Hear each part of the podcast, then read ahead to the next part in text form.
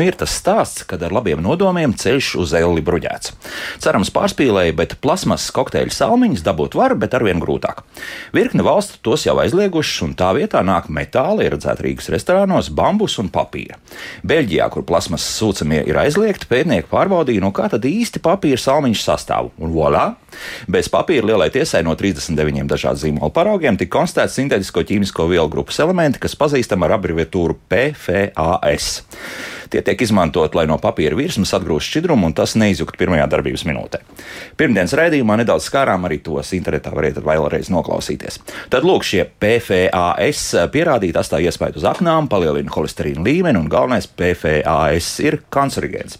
Nu, un tagad jautājums, vai ir vērts bērnam to mazo sulas vai piena paciņas saturu tomēr ieliet krūzītē vai ļaut sūkt no ekoloģiski tīrā salmiņa?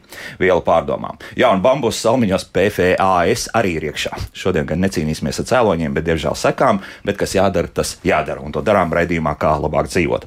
Katrīna Bramberga pie studijas pults, Loreta Bērziņa raidījuma producenta un es Elsijas Jansons šeit studijā. Esiet sveicināti! Eiropā plaušu vēzis ir iemesls 3% no visām nāvēm un 20% no vēža izraisītām nāvēm. Latvijā gadu laikā tiek diagnosticēta vairāk nekā 1100 jaunu plaušu vēža gadījumu, no kuriem lielākais vairākums tiek atklāts vēlīna, 3. un 4. stadija - apmēram 60%. Vai plaušu vēža skrīnings var palīdzēt uzlabot situāciju? Arī par to spriedīsim šodien raidījumā.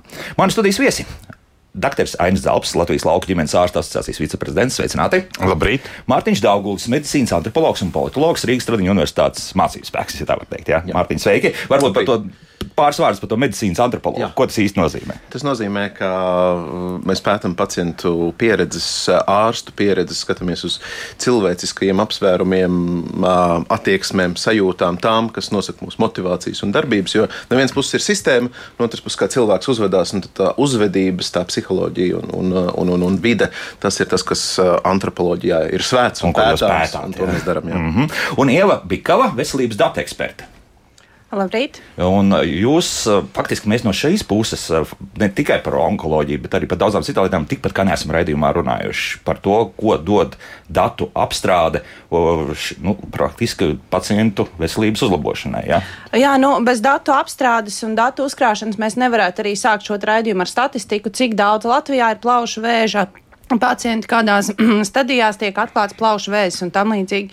Līdz ar to mūsdienās dati bieži vien ir lēmuma pamatā, un iespējams tieši šie dati ir tie, kas ir mudinājuši gan onkologus, gan plaušu speciālistus, gan ģimenes ārstus runāt par šo tēmu, kad mums ir vairāk jāmeklē šie cilvēki, kuriem ir potenciāli plaušu vēzis, jo, nu, potenciāli, droši vien. Jā, potenciāli, jā, potenciāli, jā. jo tā tad uh, ir, ir virkne riska faktori faktoru, kas varētu liecināt par to, ka cilvēkam vēl nav nekāda simptoma, ne viņš klepo asinis, ne viņam vienkārši ir klepus vai, vai, vai kaut kādas svīšanas vai kaut kādi citi simptomi, bet eh, populācijā iespējams šis cilvēks jūtās vesels, viņam liekas, ka viss ir kārtībā, un tajā brīdī, kad ir jau simptomi, ir jau pavēlu.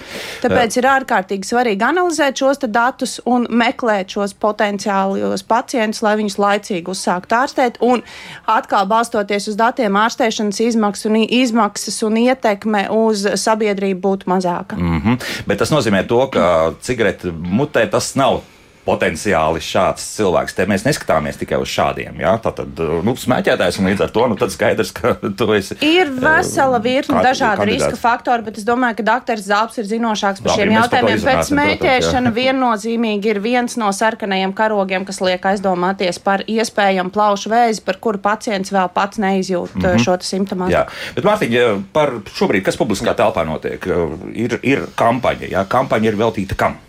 Šobrīd publiskajā telpā ir šī saruna atvērta par to, vai Latvijas veselības sistēma vispār spēj pacelt kaut kādas inovācijas un jaunus skrīningu veidus. Par to arī faktiski saruna. Nu, teorētiski ideālā pasaulē vajadzētu būt tā, ka redz, kur mums statistikā ir lielais melnais caurums, kas ir plaušu vēzis ar visām traģēdijām, kas nāk līdz Latvijai. Tie minētie 1100 cilvēki, kas nav tikai viņi, bet tās ir arī viņu ģimenes darba vietas un vispārējais.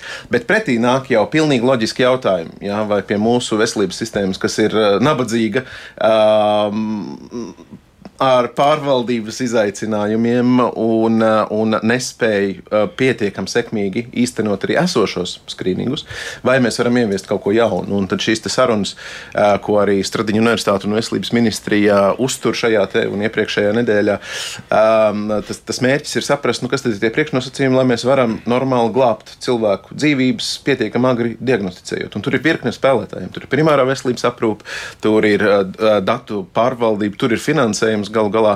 Un pār visam, protams, tur ir uh, pacients un arī viņa iesaiste šajā procesā. Un par to arī ir tas stāsts, kas ir tie priekšnosacījumi, puzles gabaliņi, lai mēs varam attīstīt veselības sistēmu kopā. Un skaidrs uzreiz ir viens no šīm sarunām, ka, ka mēs Latvijā, lai cik tas nebūtu šobrīd depresīvi, bet kaut kādus lielus soļus spērt un ieviest kaut ko lielu un jaunu, izskatās, nevar, ka nevar. Bet nevar tā iemesla dēļ, ka naudas nav bieži vien. Bet vēl es domāju, un tas ir mans, mans subjektīvais zinātnieks skats uz lietu, ir tas, ka nespēja vienoties savā starpā par prioritātēm, kur virzīties uz priekšu. Un es domāju, ka tas ir no visos līmeņos, jo nu kurā pirkstā ko kodu tajā sāp.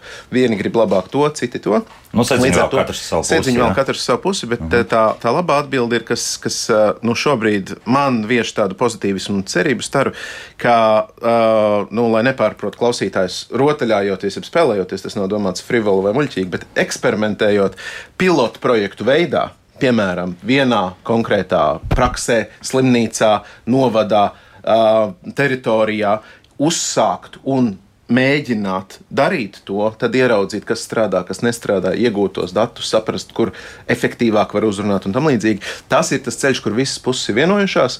Tas ir arī, kur mums brīnišķīgi profesori, piemēram, Mārcis Lējie, arī strādā un darbojās tajā virzienā caur Eiropas perspektīvu. Līdz ar to šajā valstī pa tādu normu šķiet uz, uz, uz izaugsmi varētu kļūt tas, ka mēs atļaujamies taisīt pilotu projektus un pārbaudīt idejas, nevis atrisināt visas problēmas vienā dienā uzreiz, uzreiz visiem Latvijas iedzīvotājiem. Tas vienkārši tā laikam nenotiek. Mm -hmm. nu tā.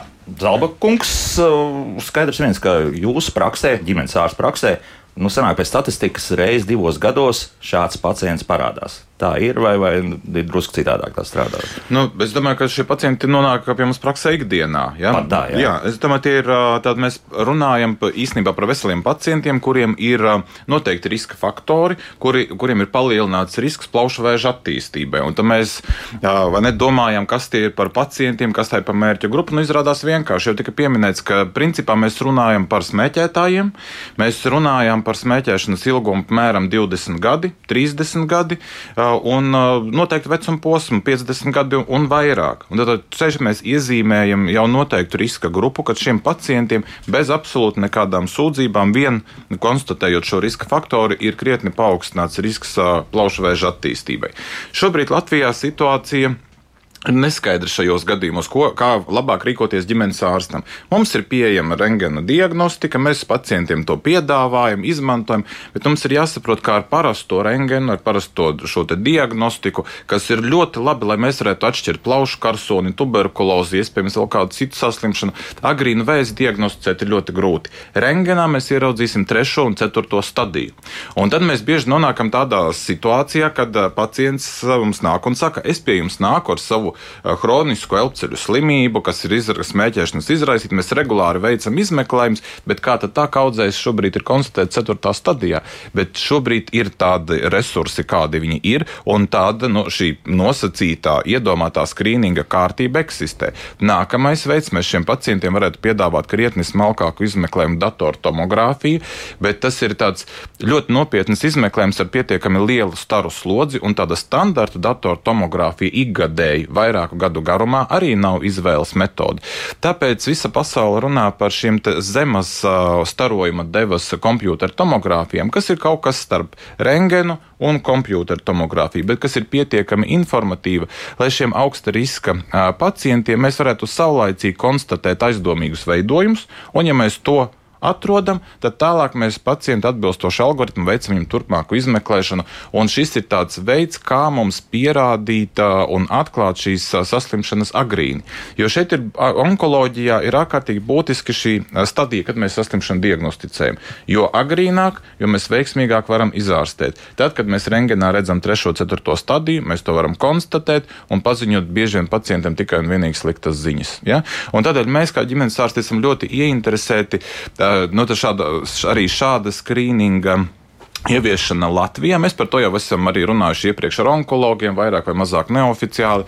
Šis atbalsts un šai idejai ir, bet, jā, kā kolēģi teica, bieži vien tas atdurās pret tādu, kā mēs to realizējam. Mēs saprotam, ka ģimenes ārstu resurss ir pietiekami izsmelts un nodeldēts, un nu, mēs darām, cik varam, un vairāk mēs, diemžēl, laikam nevaram paņemt krietni klāt. Tad mēs redzam, ka, pieņemsim, stacionāros ir savas problēmas, rengena diagnostikas posmā ir savas problēmas, un kā to visu salikt kopā Bet es domāju, ka šeit tas risinājums ir šajā diskusiju rezultātā atrast to optimālo scenāriju mūsu valstī un ar maksimāli izmantojot kolēģu zināšanas, kā mums šos datus efektīvi pārvaldīt, kā to visu datorizēt, lai nav tā, ka tas ir ģimenes ārstam nu, kāds pienākums atkal vadīt kaut kur datus, rakstīt, veidot nosūtījumus, sekot kaut kam līdzi, ne, kaut kā virtuāli, ja, to visu varētu izdarīt datorizēt. Un tā ir tā lielākā, nu, Tā varbūt tas ģimenes ārstu redzējums, kādam šim skrīningam vajadzētu izskatīties, tādam modernam. Ja? Mm -hmm. Un man ļoti patika, kā kolēģi runāja, kā tas ir. Teiksim, mēs kā ikdienā esam ļoti mainījuši paradumus. Pirmkārt, kā mēs vispār komunicējam, kā mēs iegūstam informāciju, kā mēs iepērkamies. Ja mēs pasūtām kādu preci teiksim, no Lielbritānijas vai Amerikas Savienotajām valstīm, mums mūsu e-pastā ir ziņa, ka mūsu prece ir pasūtīta, tālāk tā virzās noliktavā tur, tad tā ir ievest Latvijā. Varam izsekot, jā, varam izsekot. Mm -hmm. Šeit līdzīgi tātad arī šis skrīnings varētu organizēt šādā veidā. Mēs, kā ģimenes ārsti, atpazīstam šo pacientu, sniedzam šo informāciju tad, uh, uz, uh, no tam uh, dienestam, kas uztur visus šos procesus, un tālāk jau automātiski šie pacienti tiek uzrunāti un novēroti, un šis skrīnings viņiem tiek realizēts, un viņi nonāk atpakaļ pie ģimenes ārsta tajos gadījumos, ja ir aizdomas par pamatotu saslimšanu. Tā tad, ja es pareizi saprotu, tad principā šobrīd varētu būt tā, ka sākam pilotprojektu Ja, tad tiek iesaistīts ģimenes ārsta prakses primāri. Ja. Tālāk, tīri tehnoloģiski. Tātad notiek šāds skrīnings, ja tehnika pietiks, jā, jā. pietiks, jā, tehnikas pietiks. Tālāk viss nonāk pie ievas, jā, viss apkopotā informācija. Jā, tā. es gribētu teikt, ka patiesībā tas process sākās ar datiem, jo arī tas, ko mēs strādājot darba grupās iepriekš konstatējam, ka tā vi viena būtiska sadaļa, kas mums trūkst gan ģimenes ārstiem, gan Nacionālam veselības dienestam, gan visiem pārējiem, ir vispār informācija par pacientu smēķēšanu un viņa smēķēšanas vēsturi.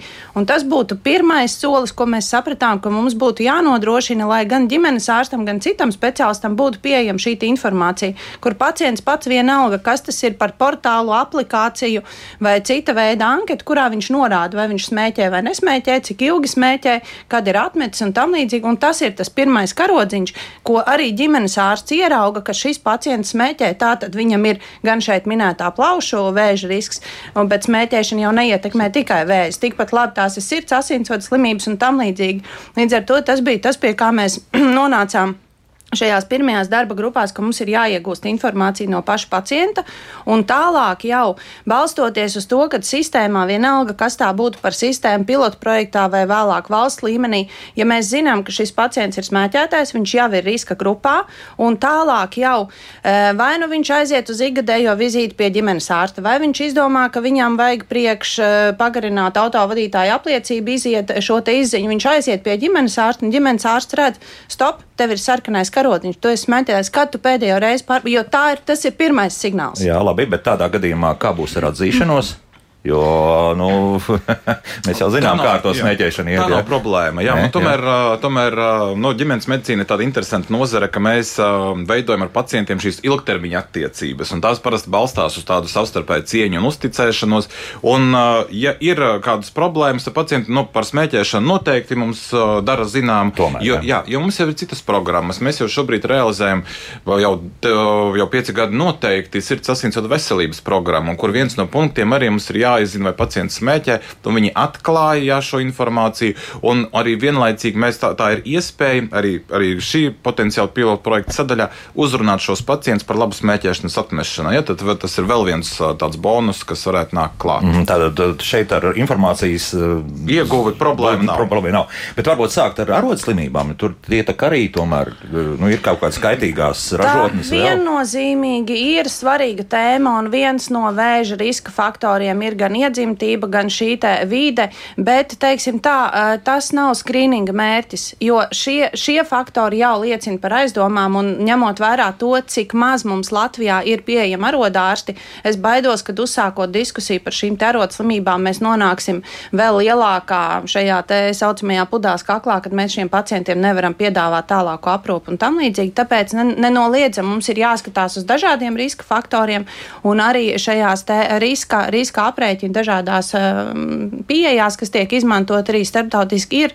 ne tikai smēķēšana, ir arī iedzimtības faktors, ir cita veida saslimšanas, ir, eh, vai, vai ģimenē ir bijuši šādi saslimstība un tam līdzīgi, bet eh, ņemot vērā to, ka atkal balstoties uz datiem dominējošais riska faktors ir ilgstoša smēķēšana, tad mēs arī uz šo koncentrējamies. Jo nevēl arī eh, papildinot Mārtiņu sākotnēji stāstīto par šo pilotu projektu, tas, kāpēc mēs baidamies savā ziņā pieņemt lēmumu realizēt uzreiz valsts programmu, jo mēs nezinām, cik viņa būs efektīva, kādas izmaksas tā radīs un vai tiešām šie ieguldījumi būs ekonomiski pietiekami spējīgi un vai mēs neradīsim šo situāciju, kad mēs daudziem pacientiem pasakam, iespējams, ka jums ir risks, bet šī rinda uz izmeklējumu ir ļoti ilga. Tieši tāpēc ir vēlme realizēt šo pilotu projektu, novērtēt un tad jau pieņemt lēmumu, vai mēs esam gatavi šobrīd palaist to kā valsts programmu, vai mēs viņu turpinam kā pilotu tikai pilnveidojam.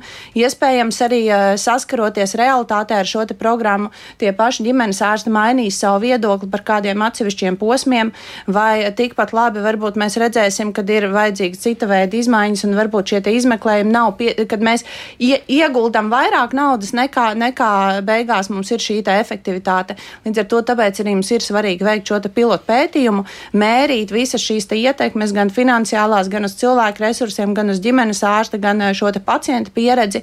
Un Galu tad arī tad saprast. Vēl, jā, vēl Tieši no, tā. Jā, jā, jā Mārtiņ, jā. Tev būtiski piebilst, ka, ja sāk šādas jaunas lietas, piemēram, pilotu projektu veidā šo aspektu, tad sāk to pareizi. Kāpēc es to tā īpaši uzsveru? Jo pacientu uzvedībā, no pacienta perspektīvas raugoties, apgrūtinošs process vai process, kurā viņš uzzina, ka viņam, piemēram, ir slimība, un tad viņš saskarās ar to, ka viņš netiek pie ārsta, jo ir gara rinda. Kaut arī zaļais koridors un tam līdzīgi. Nu, Plus vēl kaut kāds noliegums, jā, no Plus vēl noliegums. Jā. Tas viss ļoti sliktus viļņus raida komunikācijas pasaulē arī citiem pacientiem. Un, un vai pavairo tikai bailes. Un viena no populārākajām atbildēm fokus grupā grupās, kas mums ir runājot ar vispār onkoloģijas pacientiem kopumā, ir tas, ka, nu kā, nu es redzu, kā man kaimiņam negāja no sērijas, un tāpēc es pat.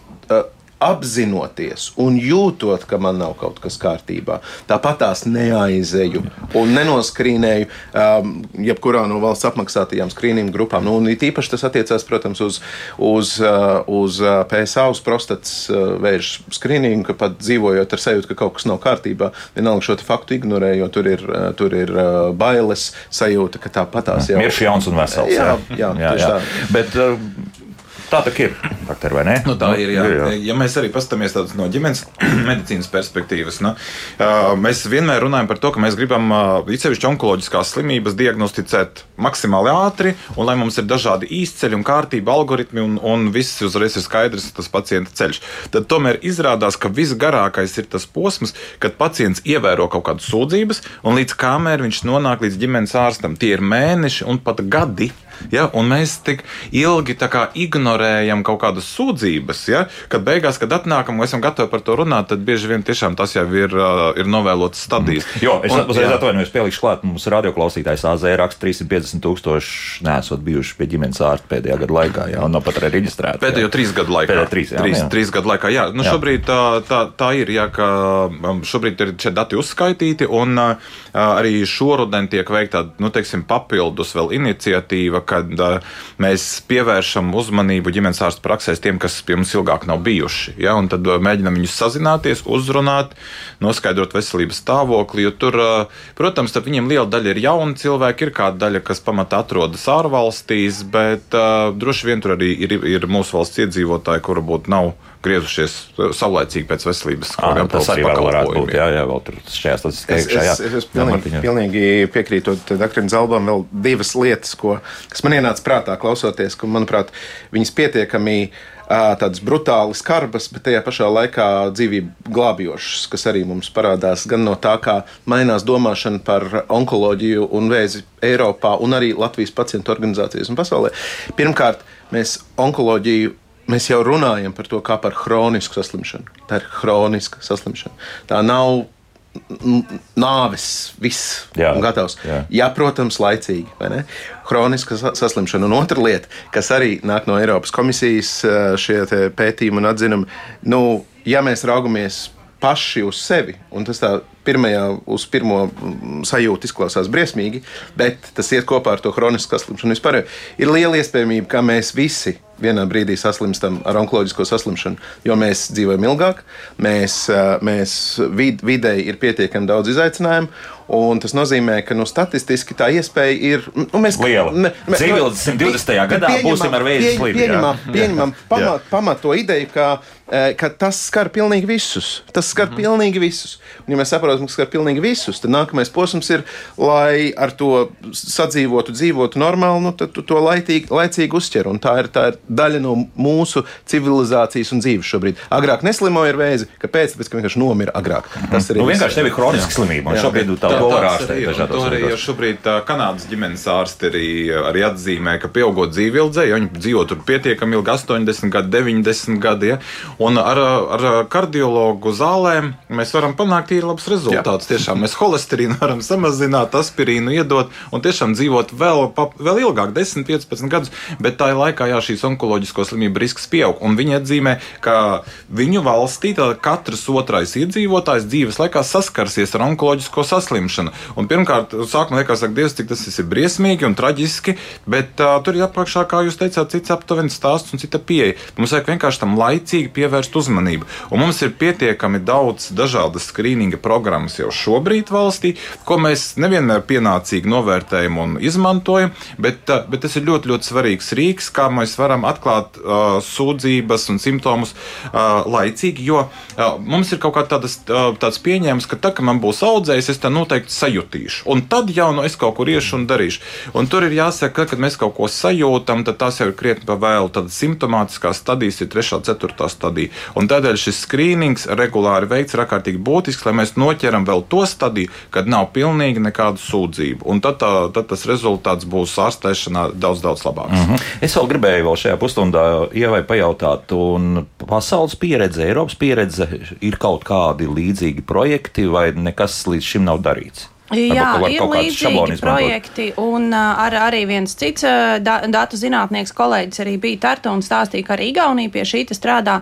Bet, kas, manuprāt, ir vēl viena svarīga lieta, mēs runājam par šo cilvēku iespējams nevēlēšanos iet pie ģimenes ārsta vai kaut kādā veidā ģimenes ārsta nepieejamību, tad šeit es domāju, šeit ir vieta arī šīm digitālām tehnoloģijām, jo uh, pēdējos gados es ievēroju, ka cilvēki ar vien vairāk dalās ar to, cik viņi soļus dienā nostaigā, un tas jau ir palicis populāri. Un uh, kat, katram, Jā, teiksim, tā otram, trešajam jā, ir pulkstens, un viņ, viņš tam seko līdzi. Un, manuprāt, arī ir pietiekami daudz dažādas aplikācijas, kurās var sekot gan līdzi šim tas uh, nostaigāto soļu skaitam, gan virknē citu rādītāju.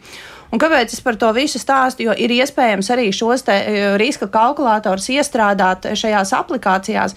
Un šim cilvēkam, kurš ikdienā skatās, iespējams, nostaigātos soļus vai tam līdzīgi, piedāvāt aizpildīt šo te testu un uzzināt par riska faktoriem, vienkārši likt aizdomāties. Arī kā, kā mums e, teica kolēģi no sabiedrības veselības e, pārstāvjiem, kad tā teikt, veicināt šo gudro smēķēšanu. Respektīvi, ja tu smēķē, tad tu apzinājies šīs sekas un esi informēts vakcinēts un uh, saproti, ka iespējams, ka tev ir vajadzīgs aiziet pārbaudīties. Tāpēc, manuprāt, patiešām uh, arī mēs varam piekļūt caur digitālām tehnoloģijām arī tai cilvēku grupai, kas ikdienā neiet pie ģimenes ārsta. Vai nu tie ir cilvēki darbspējas vecumā, kas strādā, kuriem ir veselības apdrošināšanas polises, kur vien, vēršās pa taisno un saņem pakalpojumus, vai citā, citai cilvēku grupai, kas neiet pie ģimenes ārsta, bet es domāju, ka arī šeit caur mūsdienu tehnoloģijām ir iespēja piekļūt cilvēkiem, un tā arī ir šī pasaules pieredze, kad arvien vairāk šīs tehnoloģijas palīdz. Viņas palīdz gan ģimenes ārstam, viņš mākslīgais intelekts palīdz radiologam strādāt vieglāk un mazāk patērēt laika, tiešām aizpildot anketas un vācot datus, bet darīt to savu darbu tā, kas ir viņa unikālā kompetence. Vai tas ir ģimenes ārsts vai radiologs,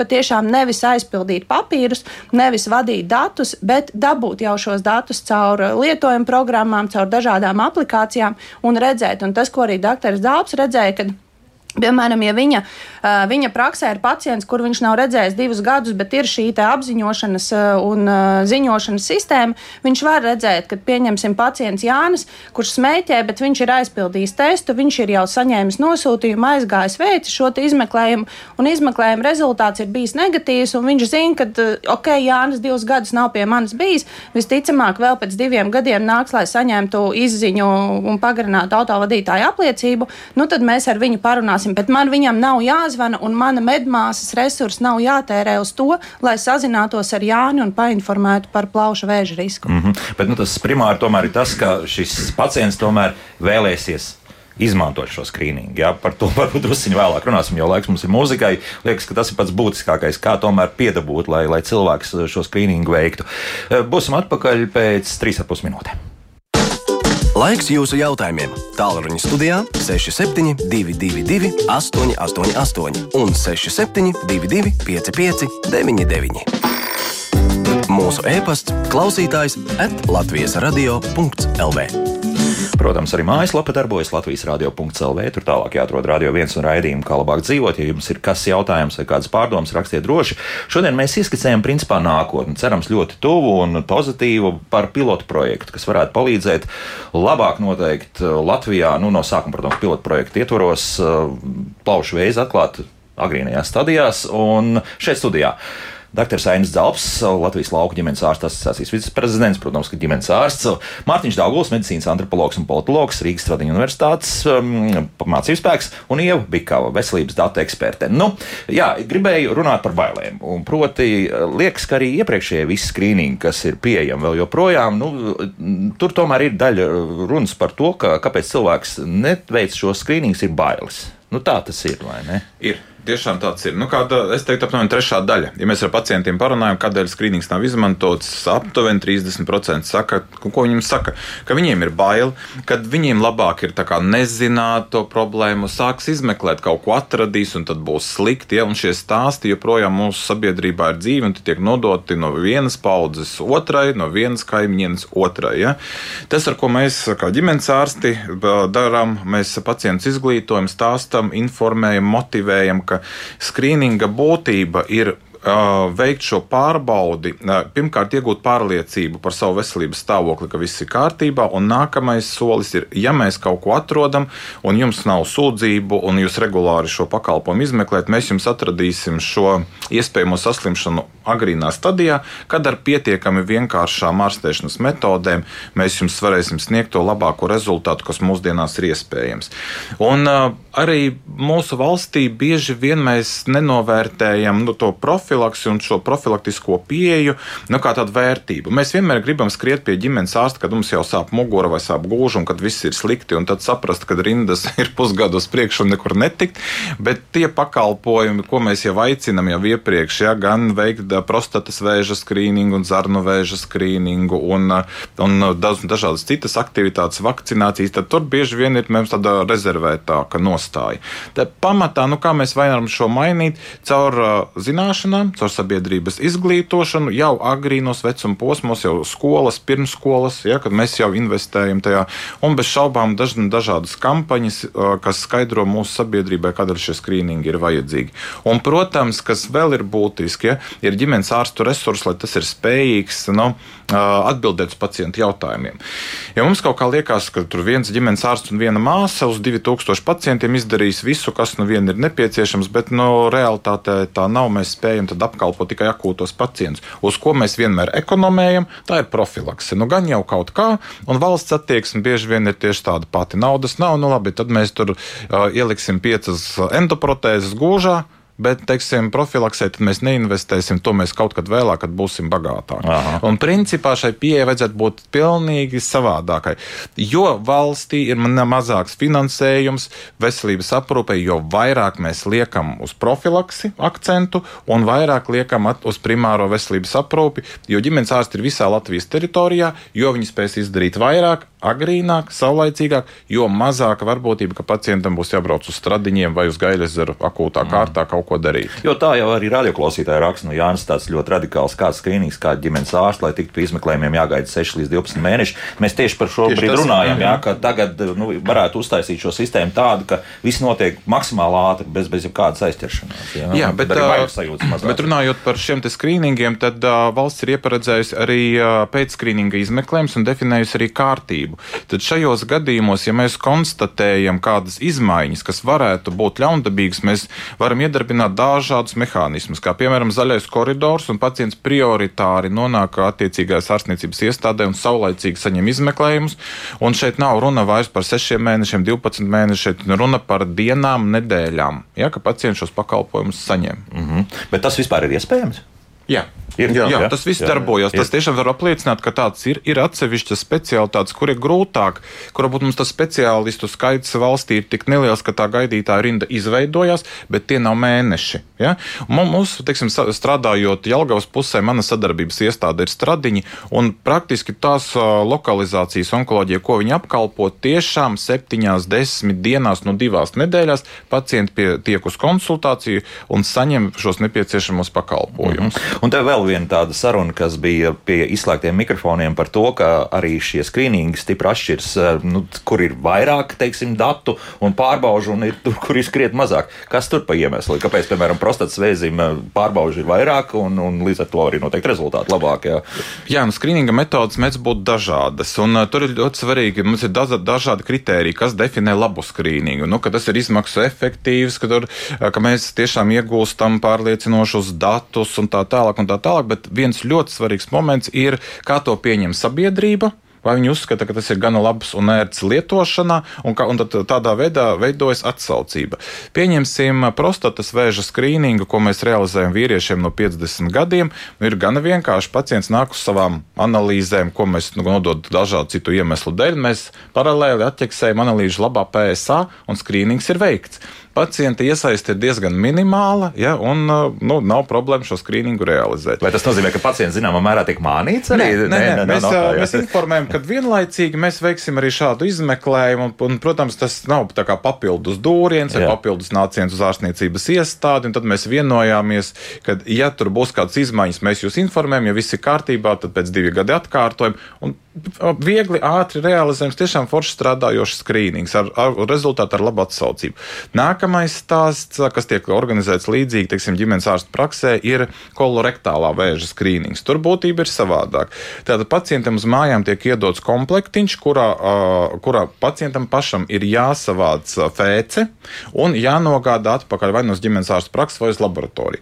Un šeit jau sākas problēmas. Vienam ir kā, tiešām grūti kaut ko tādu iedomāties, ka viņš kaut ko tādu varētu darīt.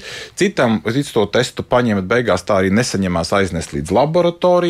Tad ir vienkārši tik daudz tie posmi, ja, ka nu, šis skrīnings netiek realizēts. Un nu, šeit gadījumā, lai panāktu kādu rezultātu, tad šeit ģimenes ārsta praksē ļoti proaktīvi ir jāstrādā, jāskaidro. Jo līdz pacientam varbūt nevienmēr aiziet šī informācija par kolorektālā vēža skrīningu, jo nu, strādājot jau desmit, vairāk kā desmit gadus vienā prakses vietā, man ir bijuši tikai divi pacienti, kas ir atnākuši paši un jautājuši, ka viņi gribētu veikt kolorektālā vēža skrīningu. Un iemesls, kāpēc? Viņi ir kaut kur izlasījuši. Jā? Vien, Ah. divi pacienti, bet man ir mērķa grupa ikgadēji apmēram 500-600. Tad iedomājieties, cik leksim, liels darba apjoms ir jāizdara mūsu pusē, lai sasniegtu, pieņemsim, aptveri 50%. Ja? To jāuzrunā katrs individuāli, bet tā pacientu tā tad uh, informētība nav pietiekama. Mm. Informētības linkums, kas vēl? Nu, Bailes, uzticība, jā? uzticība, Uzticība, ba baili pretmets uzticību, un, un te es domāju, ka ļoti būtiski noakcentēt to aspektu, ka bieži vien no tādas valsts pārvaldības viedokļa, nu, ja mēs visus procesus sametam iekšā Excel tabulā, tur piešķiram doktoram Zalbam tur 15, 20 minūtes šai darbībai vai kaut kas tamlīdzīgs, nu, tad viss tur sakārtosies un tam līdzīgi. Bet tā uzticība uh, bieži vien veidojās tieši sarunā ar ģimenes ārstu un interesanti fokus grupās ar pacientiem uh, miedarbojoties, ka daudz tas, kas citam pacientam šķiet sāpīgs, nesaprotams, nepārvarams, neizdarams, ja, ja viņam ir ģimenes ārsts, kas, ar ko viņam ir labas uzticības attiecības, tas automātiski atkrīt. Jo tas ir izstāstīts, izdarīts un tam līdzīgi. Un ārstam ir jābūt laikam ārstēt. Un tā ir tā pamat, pamatēze, ko mēs runājot par visādām reformām un pārmaiņām, kas ir jāņem vērā. Ja mēs liekam kaut ko klāt, tad mums ir attiecīgi jāliek klāt darbinieks, kas noņem tehnisko slodzi no ārsta. Un tā nav tikai nu, no sērijas uh, ikgadējā saruna pie budžeta veidošanas, stiprināsim primāro veselības aprūpi. Viņš aiziet precīzi līdz cilvēku uzvedības modeļiem un dzīvības un nāves jautājumiem pēc tam. Uh, kas vēl uzticību veido? Nu, piemēram, Vislielākais, uh, kas mums parādījās uh, fokus grupās, uh, kā interesanti, man tas bija tāds, tāds pārsteigums, bet nu, loģiski diezgan. Ja cilvēks ir vientuļš, viņam, viņam ir daudz lielāki riski visās lietās. Jā. Riski Ja- kāpēc? Tāpēc, ka ja es esmu viens, man pašam ir jāizcīna tā cīņa ar visiem iekšējiem demoniem, vai man to darīt, vai man to nedarīt. Bet, ja man apkārt ir kopiena, ģimene, cilvēki, kas rūpējās par mani, pieskata mani, darba kolēģi, kas pieskata mani. Ja? Motivācija. Tad, motivācija. Jā. Tad tajā brīdī normāli, nu, ja mēs visi iesim uz, vi- visi veči iesim uz skrīningu no sava ugunsdzēsēja depoja, nezinu, ja? tad mēs to, mēs visi arī cits- aizies, mēs jā? visi aizies, mēs Visi citu, citu, citu pieskatām. Un tas tādā ziņā ir droši vien vēstījums eh, arī katram no mums, eh, ka tie cilvēki, kas mums ir līdzās, eh, nu, ja, ja viņam ir tie eh, smēķētāji paku gadi saucamie, un, eh, un eh, nu, viņš ir pēc 50. Nu, Uz jautājumu vismaz, pajautājumu, vai tu esi bijis pie ģimenes ārsta? Kāds ir vispār attiecības ar ģimenes ārstu? Tad mēs varbūt uzzināsim, ka viņš vispār nekad arī nav bijis. Nu, Nu, tur tāds fatālisms zināms ir visā tajā lietā. Jā, nu, tā kā labi zini visus riskus. Nu, fatālisms ir uh, dzīvē, ka- informācijas trūkums ir, ir globāla problēma mūsdienās, tieši ja mēs runājam par veselību Latvijā. Jo tas, ko, tas, ko dr. Zalps minēja, kad ja viņi redz, ka šis pacients nav veicis spējas analīzes, tad viņi var, tad, kad pacients ir atnācis paņemt. Un man kā pacientam bija līdzīga pieredze vēršoties pie ginekologa uz ikgadējo apskati, ā, kur, kur man ginekologs pajautāja, bet vai tu esi izmantojis skrīningu? Man sistēmā rāda, ka tu neesi veikusi zemes kakla skrīningu. Es saku, ah, nu labi, tad viņi saka, nē, nu tad mēs tev paņemam uzreiz analīzi. Un, Protams, man kā pacientam tas ir ļoti ērti. Tieši tā kā dr. Zalps teica, ka viņš aiziet nodot savu holesterīnu, cukuru vai vēl kaut ko, tāpat tās es aizejot pie ginekologa, viņi man veic šo pārbaudi. Bet, godīgi sakot, es it kā es esmu informēta, es esmu zinoša par to, kas notiek veselībā, bet es nezinu, kā pacients, cik bieži tur īsti ir manā vecuma grupā šī dzemdas kakla skrīnings. Tāpēc, manuprāt, ja šiem personām, kad ā, ārstniecības personām vienalga, vai tas ir ģimenes ārsts vai tas ir urologs, jo tikpat labi iespējams cilvēks, kuram ir problēmas, nevērsīsies ā, vīrietis labākajos gados, nebrauks pie ģimenes ārsta, bet aizies uzreiz, piemēram, uz kādu medicīnas centru, pat aizno pie urologa. Nu, un arī tur var redzēt šos datus, vai viņš ir veicis vai neveicis šīs analīzes. Tāpēc, manuprāt, tieši šī informācijas pieejamība par to, kas tev pienākās, ko tu vari izmantot, arī varētu palīdzēt veicināt šo cilvēku informētību un iesaistīšanos. Jo, nu, mm, ja ar mani ģimene sāktu runāt par maniem paradumiem un par manu kafijas patēriņu dienā un tam līdzīgi, es baidos, tas nonāk pie konflikta, un es vairs nā, uz nākamo ģimenes sajiet neaizbrauktu. Tā kā šeit ir dažādi cilvēki, dažādas pieejas, bet ja es zinātu, ko man valsts ir piedāvājusi un es neesmu izmantojis, tad iespējams ar kaut kādu, teiksim, tā, tādu latviešu nodokļu maksātāju domāšanu, kad es taču maksāju nodokļus, man pienākās, varbūt es arī aiziešu uztaisīt šo skrīningu, īpaši, ja tas nav nekas nepatīkams un e, tur nav e, papildus, e, papildus izmaksas, papildus slodzi man kā pacientam. Bet jau kāpēc tad uh, nenonāca šī, nezinu, vēstule? pie jums? Uh, Es pieļauju, ka nonāca, bet eh, tā kā es esmu cilvēks, kas dzīvo digitālā telpā, tad pastkastītē man pat nav Un atslēga. te, un, te, un te ir tā liela atbilde, ka nu, tam jābūt visai tai, tai valsts komunikācijai tādā ziņā. Nu, tas Datu vi- bāzēm tas- jābūt sajūgtām tas- bet vienkārši Tas sajūgtām, bet arī tas ir, tas ir tā visaptveroši un tas tiek dažādots un visu laiku, jo ir liela daļa cilvēku, kuriem, ā, un tā ir objektīva realitāte, ieraugot vispār vēstuli no valsts. Viņu attieksmes dēļ pret valsti viņa automātiski tā nav soda kvīts lidojuma izkastē. Jo, nu, ko tu man traucē? Nemaz nerunāsim par to, ka ir liela daļa, tās vēstules nesasniedz, jo cilvēks tur nemaz nedzīvo.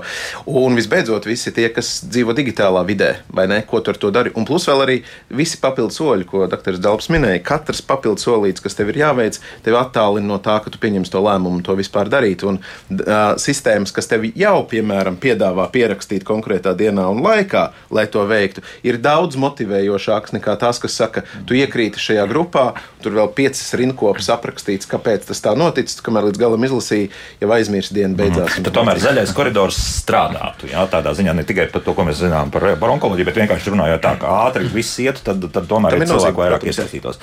Jā, nu viens klausītājs mums ir piezvanījis, paklausīsimies, lūdzu. Labrīt! Halo!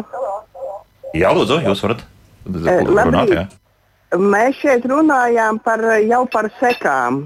Vakar klausījos pārraidi par grūtniecēm, kādu viņam pārtiku lietot, lai būtu vesels bērniņš. Nonāca tik tālu, ka daudz grūtnieces vispār gan viņas pirms tam smēķējušas, gan ir tādas, ka viņa arī netaisās grūtniecības laikā atteikties no smēķēšanas.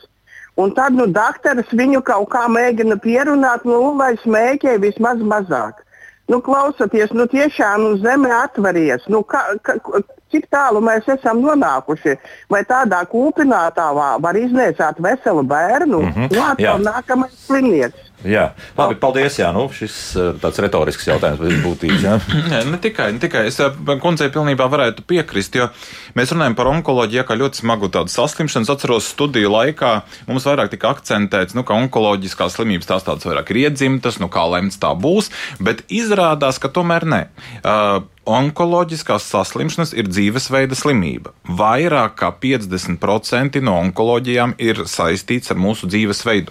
Tieši tāds ir smēķēšana, nepietiekama fiziska aktivitāte un tā tālāk. Tas viss ir ārkārtīgi būtiski. Tas, par ko mēs runājam šobrīd, ir sekundārā profilakse. Tātad mēs, kā mediķi, konstatējam augstāku riska pacientus, mēs piedāvājam skrīningus. Tas, ko mēs šodien tik daudz neesam runājuši, ir primārā profilakse. Tātad novērst vispār šos riska faktorus, cik tas ir iespējams. Jā, jo par to Jā. es atvainojos. Jā, tur ir ir citi, visi jā. komentāri par to, nu, Jā. kāpēc viņiem vispār pienākas, jā, respektīvi, smēķētājs vispār izslēgt par dubultu maksu un, un, un tā tālāk. To, ko Nu, radioklausītājs. Nu, nevaram mēs tam īsti piekrist, jā, jo nu, vienam otram mums tas vājāks raksturs ir. Un, ja mēs paskatāmies, ko vispār nozīmē cukura diabetes, tā ir dzīvesveida slimība. Tad mēs pasakām, visi, kas mums ēd kūkas un no rīta nesporto Rīgu un neskrien Rīgas ielās, tad tie visi viņiem nepienākās nec diabēta ārstēšana, nec tālāk ar viņiem darbošanās. Un tā īsti nav. Jā. Jā. Tāpat arī kar, sirds asinsvadu slimnieki, nu, jā, augsts holesterīns bieži vien ir arī dzīvesveida sekas. Tas nozīmē, ka nu, tad, tad, nu, tikai nu, katrs atbildam par savu veselību, jā, skrienam. Jā, ēdam veselīgi un ceram, ka, tā, ka viss būs kārtībā, bet tā, ar, tas arī nevienmēr strādā. Aktīvs dzīvesveids un veselīgs ir ļoti, ļoti svarīgs. Jā, mums to noteikti ir jāveicina un jāatbalsta. Bet, nu, runājot par onkoloģiju un jau saslimšanām, kas jau ir radušās, tur, protams, ka mums ir jāsniedz veselības aprūpas pakalpojumi maksimāli ātri un saprotami. Mm -hmm. Mēs šobrīd vēl pēdējās redzējuma minūtēs esam sazinājušies ar radioloģu Ilzi Priedīti. Ilze, labrīt! Labrīt! Ilze, varbūt uh, jūsu skatu punkts tagad uz visu par to, ko mēs esam runājuši šajā stundā. Varbūt nedzirdējāt, bet tomēr runājot arī par plaušu vēzi un skrīningu un, un šādu pilotu projektu. Jā, klausoties, jūs tiešām tika uzsvērtas visas galvenās problēmas lieliski, un es neatkārtošos varbūt tikai no radiologa skatu punkta. Gribu pateikt, ka tiešām plaušu vēža agrīnai diagnostikai mēs izmantojam tikai un vienīgi datortomogrāfijas izmeklējumus, nevis konvencionālās rengenogrammas, jo rengenogrammas mēs tiešām varam atklāt jau plaušu audzēju, kas ir 3. un 4. stadijā. Toties ar datortomogrāfiju mēs atklājam mezgliņus, kas ir 5 mm un vēl pat mazāki. Un šīs tēmas gribu uzsvērt, ka tiešām šīs zemās starojuma devas datortomogrāfijas uh, iespējas Latvijā. Latvija ir aptverama, ir ļoti laba tehnika un iekārtas visā Latvijā, un mēs to varam darīt. Runājums vienmēr ir, protams, par resursiem, par ārstu resursiem un, un cik daudz uh, radiologu ir jāiesaista, bet nākotnē skatoties arī mākslīgais intelekts ieņem savu vietu tieši šo agrīnai, uh, agrīnai diagnostikai. Mm, tad neironu tīkli skaitīs visu kopā un tad apmēram jā, jā, paredzēs arī riska faktors. Ja? Jā, tie, tie, tieši tā. Un, un, un Latvija nevajag domāt, ka Latvija ir, ir, Latvija ir tiešām ļoti augstas uh, klases, datortomogrāfijas iekārtas, un mums nav jāpērk nekas jauns. Tā ir tikai viena programma, kas samazina šo starojumu devu. Mēs izmeklējam plaušas, cilvēka plaušas tiek sagrieztas mil, milimetru lielā biezumā, un tādēļ mēs varam atklāt šos mazos plaušu potenciālos mezgļus, kas varētu būt plaušu audzējs. Mhm, un par interpretācijām arī nevajadzētu uztraukties. Ja? Uh, par interpretācijām uh, tam jābūt centralizēti. Protams, to dara vismaz divi radiologi, kas parasti ir visos skrīningos, un šeit mēs at, šeit ir šis viens uh, mīnus, varbūt, kas varētu būt no radioloģijas puses cilvēku resursi. Nu, kas un, ir svarīgi arī? Jā, jā kas, kas, ir, kas ir ļoti, ļoti svarīgi tiešām. Un, uh, bet, nu, kā jūs zinat, viss attīstās. Un mākslīgais intelekts ieņems noteikti šeit kaut gan, kaut gan nu pat viens jauns pētījums parādījās Amerikas Savienotās valstīs, gan neizlasīja, bet virsraksts bija tāds, ka ne viss, diemžēl, mākslīgais intelekts spējas izķert. Nu, kaut jā, kāds jau pētījums ir, ir parādījies. Jā. Tā ir labā ziņa, tātad ārsti un arī radiologi būs vajadzīgi. Tieši tā. Ilgi paldies, lai veids šodien darbos radioloģi. Ilgi Priedīt bija pavisam īsi mirkli kopā ar mums. Noslēgumā. Nu, kad tad varētu būt tas pilotu projekts, kad varētu sākt startēt? Nu, šis, šis, šis jautājums, mūsu uzdevums ir noakcentēt, ka Uh, iesaistītie ir gatavi, ārsti ir gatavi, vilkni no pacientiem ir. Šie lēmumi ir tie, kas tiek pieņemti valsts līmenī par šādām programmām. Tad, tad nu, attiecīgi tālāk šo ziņu uh, arī caur šo pārēdi mēs zināmā mērā nododam mūsu lēmumu pieņēmējiem, lai viņi domā, un ar šo domājot ne tikai uh, politiķus, bet arī ierēdniecību veselības jomā un, un, un, un Nacionālo veselības dienestu. Jāsaka, ka viņam šobrīd sapulces nav, jā, viņi var klausīties. Nē, nē, viņi klausās, viņi klausās iekāst. Nē, nu kā, ideju, uh, nu, teiksim, tā, vienošanos un ideju uh, zināms vakums, viņš jau pastāv vienmēr. Ja? Un uh, reizēm mēs, mēs, mēs varbūt pat nepamatoti kaut kādā veidā domājam, ka tur neviens neko neuzklausa vai kā. Bet, ja ir skaidrs, ka kaut ko var, ka visi ir sapratuši un vienojušies pa mazam gabaliņam, daram to tagad, tad visticamāk, ka tur arī būs kustība un atbalsts tajā jomā. Bet es domāju, tā saruna šodien atvēra vaļā jau daudz citas lietas, ja? lai mēs varētu runāt par datiem, atgādinājumiem, kas mums nāk telefonos vai pulksteņos vai kas. Tas vispār tas ir lielais jautājums, cik veselības sistēma vispār ir atvērta inovācijām. Jo šobrīd jau jūs ir, ir ļoti daudz ražotāju, kas taisa, piemēram, aplikācijas bērnu spēlītes, kur bērns spēlē spēli un pēc viņa acu kustībām var nolasīt, vai viņam nav neiroloģiski traucējumi. Diagnostika perfekta, bet tos datus Latvijā nav kur likt. Mm. Viņus nevar neiesūtīt, neapstrādāt, neko ar to nevar nu, darīt. Pārdosim ārzemniekiem. Pār, pārdosim, nē, nē, tā doma ir, citi pārdos ārzemniekiem, vai ne? Bet tā doma ir tāda, ka tie īstie jautājumi, kas būtu jāuzdod, ir tie, ko kolēģi šeit akcentēja, ka nu, droši vien valsts uzdevums ir taisīt atvērtas sistēmas, kur ir skaidrs, nu, kurš ir atbildīgs par nākamajiem desmit gadiem inovācijās šajā jomā. Ja kāds izdomās kaut ko foršu un labu ar to pašu mākslīgo intelektu, kur to liks, kāds regulējums, jo tagad jums pirmais, ko pateiks, nu, kāds tur, tur GDPR datu aizsardzību. Nevienu mēs vēl nelaidīsim un asins pa degunu. Līdz ar to tas un otrs, protams, cilvēciskais aspekts rūpēties citam par citu, un katra šāda saruna iespējams mums liek aizdomāties pašam par sevi un citiem. Nu, viela pārdomām katrā gadījumā ir, un uh, man patīk jūsu optimisms, ka tas viss varētu strādāt. Tas ir būtiskākais, jā, jo parasti, kad mēs par onkoloģiju runājam, tad nu, katrs otrais raidījums ir diezgan pesimistisks. Šeit mēs tomēr runājam ar domu, ka kaut kas varētu sanākt ja, un, un glābt reāli cilvēku dzīvības. Nu, ja mēs tūkstotu katru gadu varētu izvilkt ārā. domāju, vēl viena labā ziņa ir arī tā, ko minēja doktora radioloģija. Šīs tie iekārtas jau ir, jo bieži vien, kad mēs runājam par kādu pacientu grupu ārstēšanu, mēs eh, secinām, ka mums nav pieejami medikamenti, mums nav pieejams ie, iekārtas šajā gadījumā. Viss ir. Mums iekārtas ir pieejamas, mums ir eh, zināšanas, kā veidot skrīninga programmas. Mēs varam mācīties no jau esošajām neveiksmīgajām programmām, kurām nav bijusi tik liela aptvere.